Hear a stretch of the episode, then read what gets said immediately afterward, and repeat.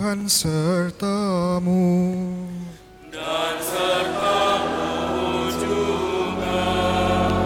Inilah Injil Yesus Kristus menurut Matius.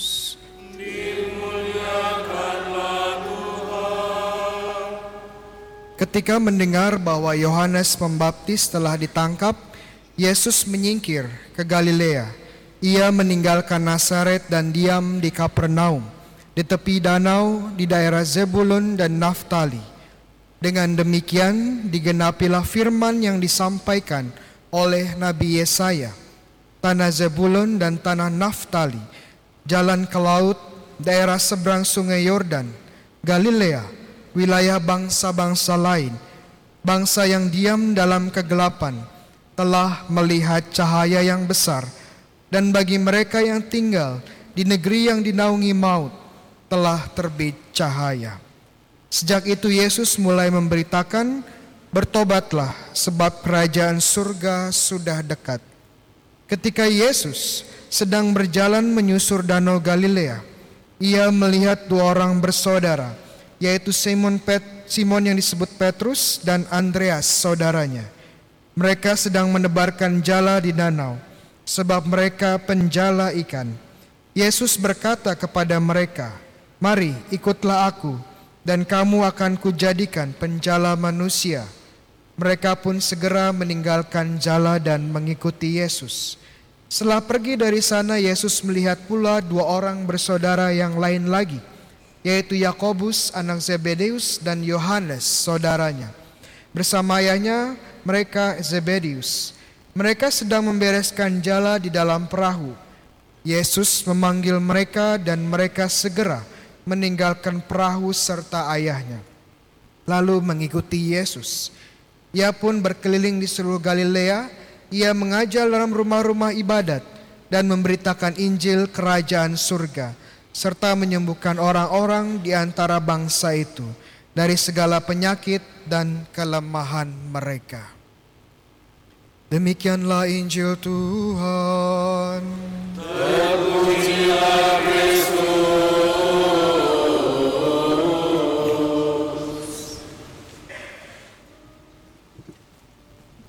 Selamat pagi semuanya. Dan bagi mereka yang merayakan Gongsi Facoy ya. Masih ditunggu angpaunya ya. Saya terima GoPay sama OVO ya. Ya pada pagi hari ini kita mendengarkan Yesus memulai pelayanan publiknya. Pelayanan di Yesus, misi Yesus dimulai pada hari ini. Dan ini terjadi setelah Yesus menyadari bahwa saudara sepupunya Yohanes Pembaptis telah ditangkap. Satu hal yang dilakukan oleh Yesus adalah dia meninggalkan Nazaret yang adalah kampung halamannya dan mulai ke kota pindah ke kota yang lebih besar, ke kota yang lebih padat penduduknya yaitu Kapernaum, ya. Jadi kalau Nazaret itu kota kecil atau kampung kecil, Kapernaum itu lebih besar karena ada di pinggir Danau Galilea. Dan ini menjadi pusat salah satu pusat pelabuhan ya, perikanan di sana, perdagangan. Jadi sebenarnya kalau kita perhatikan bahwa Yesus ini sedang melakukan yang namanya urbanisasi. Urbanisasi. Dari kampung pindah ke kota. Dan kita tahu bahwa ini adalah langkah strategis dari Yesus untuk mendukung misinya karena dengan populasi yang lebih besar ya, dengan akses yang lebih baik ke kota-kota lain, Yesus dapat melaksanakan misi dan pewartaannya dengan cara yang lebih efisien. Ya, efisien, urbanisasi. Kadang-kadang kita pun seperti Yesus ya, melakukan urbanisasi. Siapa di antara kita sebenarnya berasal dari kota-kota atau daerah-daerah yang tidak semaju Surabaya, kemudian pindah ke Surabaya karena melihat ada peluang-peluang yang lebih baik di Surabaya. Saya sendiri dari kota Bandung. Dan di kota Bandung itu ribuan orang di Bandung setiap hari Senin sampai Jumat itu di Jakarta bekerja. Baru kalau weekend pulang ke Bandung. Urbanisasi ya. pengalaman pribadi juga saya umur 14 tahun sudah masuk ya dari Bandung pindah ke Magelang untuk masuk seminari menengah. Kemudian usia 18, eh 18, 18 tahun saya pergi ke Filipina, Manila untuk melanjutkan pendidikan. Jadi bagaimana saya melakukan urbanisasi untuk mendapatkan pendidikan yang lebih baik, formasi yang lebih baik. Dan saya percaya teman-teman juga mengalami pengalaman yang sama, mungkin ya. Pengalaman yang sama seperti Yesus, urbanisasi. Tetapi Injil Matius yang kita baca pada hari ini dengan jelas mengatakan bahwa perpindahan Yesus dari Nazaret ke Kapernaum ini bukan hanya sekedar masalah urbanisasi. Ini bukan sekedar masalah strategis ya, strategi marketing. Bagaimana mendapatkan dukungan lebih banyak, mendapatkan murid lebih banyak. Bukan hanya masalah cari pendukung. Bukan masalah mencari dana, tidak. Matius dengan jelas mengatakan perpindahan Yesus ke Kapernaum itu adalah untuk menggenapi nubuat. Nubuat dari nabi siapa? Tadi dikatakan Nabi Yesaya. Yesaya bab berapa? Bab 8 ya. Tadi bacaan pertama ya, bab pertama ya. Bacaan pertama itu Yesaya 8. Dan ini yang dipenuhi Yesus saat dia pindah dari Nazaret ke Kapernaum. Nubuatnya apa? Nubuatnya tanah Zebulon, tanah Naftali, orang-orang yang duduk dalam kegelapan telah melihat cahaya besar terang yang besar. Ya, ada yang tahu Zebulun sama Naftali itu di mana? Ya, Zebulun, Naftali itu bukan nama makanan ya. Zebulun dan Naftali adalah salah satu dari suku Israel. Suku Israel ada berapa? Ayo, ada 12 ya. Dan suku salah satu sukunya itu adalah Zebulun dan Naftali. Tanah Naftali dan tanah Zebulun ini ada di sekitar daerah Galilea. Galilea itu di utara Israel. Ya. Kalau ibu kotanya adalah Yerusalem dan Yerusalem ini ada di selatan. Galilea tempatnya Yesus itu di utara. Ini adalah tanah Zebulun dan Naftali. Lah, kenapa ini penting ya? Kenapa ini penting? Karena orang-orang Yahudi pada zamannya Yesus mengerti bahwa kalau nubuat ini dipenuhi, mereka tahu bahwa Mesias, Mesias itu apa? Mesias itu Kristus. Ya. Kristus itu apa?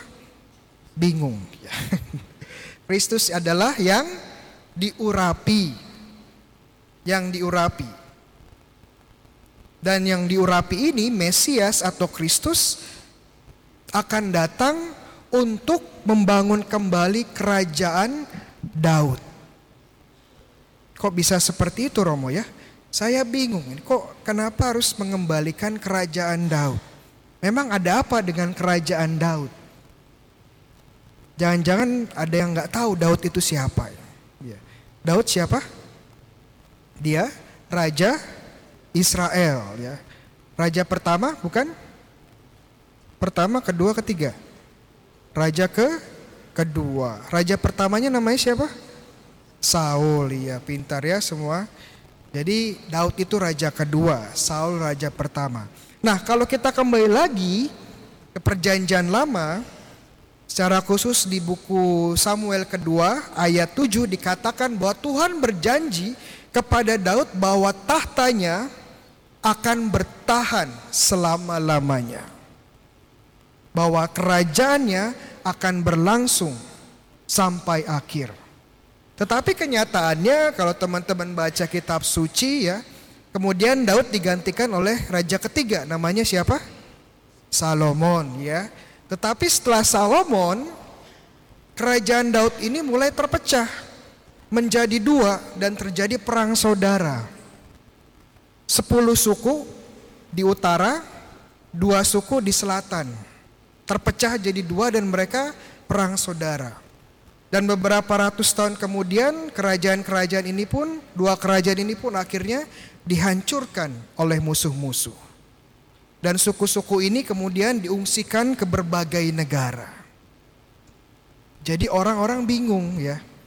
Orang-orang yang baca kitab suci perjanjian lama bingung. Tuhan kan janji kepada Daud bahwa kerajaannya tidak akan hancur. Tapi kok ternyata kerajaannya hancur. Bahkan suku-suku Israel hilang, tersebar di berbagai bangsa-bangsa lain. Nah, mereka akhirnya percaya bahwa ada seorang yang namanya Mesias, Kristus atau yang terurapi yang akan mengembalikan 12 suku Israel, mengembalikan kejayaan kerajaan Daud. Dan inilah yang dilakukan Yesus ya. Inilah yang dicoba yang dicoba lakukan Yesus. Makanya dalam Injil hari ini dengan jelas pewartaan pertama yang Yesus katakan adalah bertobatlah sebab kerajaan surga atau kerajaan Allah sudah dekat. Kenapa? Karena memang misi utamanya adalah membangun kerajaan surga, kerajaan Allah. Nah, kerajaan Allah itu apa? Ada yang tahu? Sudah saya sebutkan tadi ini kerajaan yang dijanjikan Allah kepada Daud. Kerajaan yang dibangun Allah sendiri, diperintah Allah sendiri. Dan ini dibawa oleh Yesus. Dibangun oleh Yesus. Jangan heran ya, kenapa Yesus milih 12 rasul. Tadi kan sudah disebutkan ada empat rasul pertama dipilih, nanti nambah lagi ada delapan lagi. Kenapa 12? Enggak 17. Enggak 24 ya. Enggak 100. Dikit banget 12 ya. Karena memang 12 rasul menjadi simbol dari 12 suku Israel. Sama seperti kerajaan Daud. Nah inilah yang dibangun Yesus. Kerajaan Allah. Kerajaan yang dijanjikan kepada Daud. Nah, sekarang teman-teman sekalian ada bedanya ya. Ada perbedaan tetapi ada perbedaan mendasar antara kerajaan Daud dan kerajaan yang dijanjikan oleh Allah atau kerajaan Yesus. Kerajaan Daud itu didirikan untuk memerangi musuh-musuh. Kalau teman-teman baca ya, Daud itu musuhnya namanya siapa? Yang raksasa? Iya, Goliat ya. Goliat itu dari suku apa? Dari bangsa apa? Filistin ya. Jadi bangsa Israel di zaman Daud dibentuk untuk menghalau kerajaan-kerajaan musuh. Jadi mau nggak mau mereka hobinya berperang. Kalau berperang butuh tentara, butuh jenderal ya. Dan tentunya karena berperang terus penuh dengan darah. Dan bahkan saat kerajaan Israel pun damai, di dalamnya juga penuh dengan persaingan politik ada perebutan kekuasaan. Bagaimana anak-anak Daud saling berebut kursi kekuasaan. Ya, jadi kalau teman-teman pernah tahun lalu ada TV ya, serial, ada ada serial TV yang cukup terkenal dari HBO namanya Game of Thrones ya. Kalau pernah nonton itu ada para orang-orang banyak tokoh-tokoh utamanya menghalalkan segala cara untuk menjadi raja untuk mengambil throne ya, duduk di Iron Throne, tahta besi, tahta utama mereka. Segala cara ya. Akhirnya kerajaan Daud ini yang nggak beda dengan kerajaan-kerajaan lain. Nggak beda dengan kerajaan Roma, dengan kerajaan Mesir ya, dengan kerajaan keraton sejagat ya nggak beda ya, dengan Sunda Empire ya nggak beda ya. Gak tahu ya Sunda Empire di mana ya. Dan akhirnya karena sibuk mencari kekuasaan, kekuasaan pun menghancurkan mereka. Kerajaan yang dibangun oleh kekuasaan, perebutan kekuasaan akhirnya hancur. Entah di mana pun itu. Dan sejarah selalu bilang seperti itu. Sayangnya kerajaan Dot yang pertama ya tidak bedanya dengan yang lain. Makanya hancur. berbeda dengan kerajaannya Yesus. Kerajaannya Yesus ini berlawanan dengan kerajaan duniawi. Kenapa? Karena ini dibangun atas iman kepada Allah, atas pelayanan, dan atas kasih bagi sesama, bahkan sampai titik pengorbanan. Ini kerajaan yang dibangun di fondasi salibnya Yesus. Luar biasa sekali. Sekarang saya mau tanya, Bapak Ibu anggota kerajaan apa? Siapa di sini anggota kerajaan Sunda Empire? Ada? Ada yang kerajaan keraton sejagat? Ada? Enggak, enggak ada ya. Semuanya kerajaan Yesus. Kerajaan Allah. Kau tahu Romo kita anggota kerajaan Allah? Siapa di sini dibaptis? Semua dibaptis kan? Iya, puji Tuhan. Dan salah satu efek pembaptisan adalah teman-teman menjadi bagian dari kerajaan ini. Jadi anggota kerajaan. Waduh. Dan dengan pembaptisan tidak hanya menjadi anggota kerajaan biasa, teman-teman menjadi putra putri Allah. Makanya kita berani memanggil Allah dengan sebutan Allah Bapa. Coba bandingkan dengan agama-agama lain. Ada nggak yang berani manggil Allah mereka sebagai Allah Bapa? Ini rahmat pembaptisan yang luar biasa. Sudah anggota kerajaan ya, royal family. Kita pun menjadi putra-putri Allah. Iya. Beberapa hari yang lalu Pangeran Henry dan istrinya ya kalau baca gosip-gosip ya di media ini anggota kerajaan Inggris.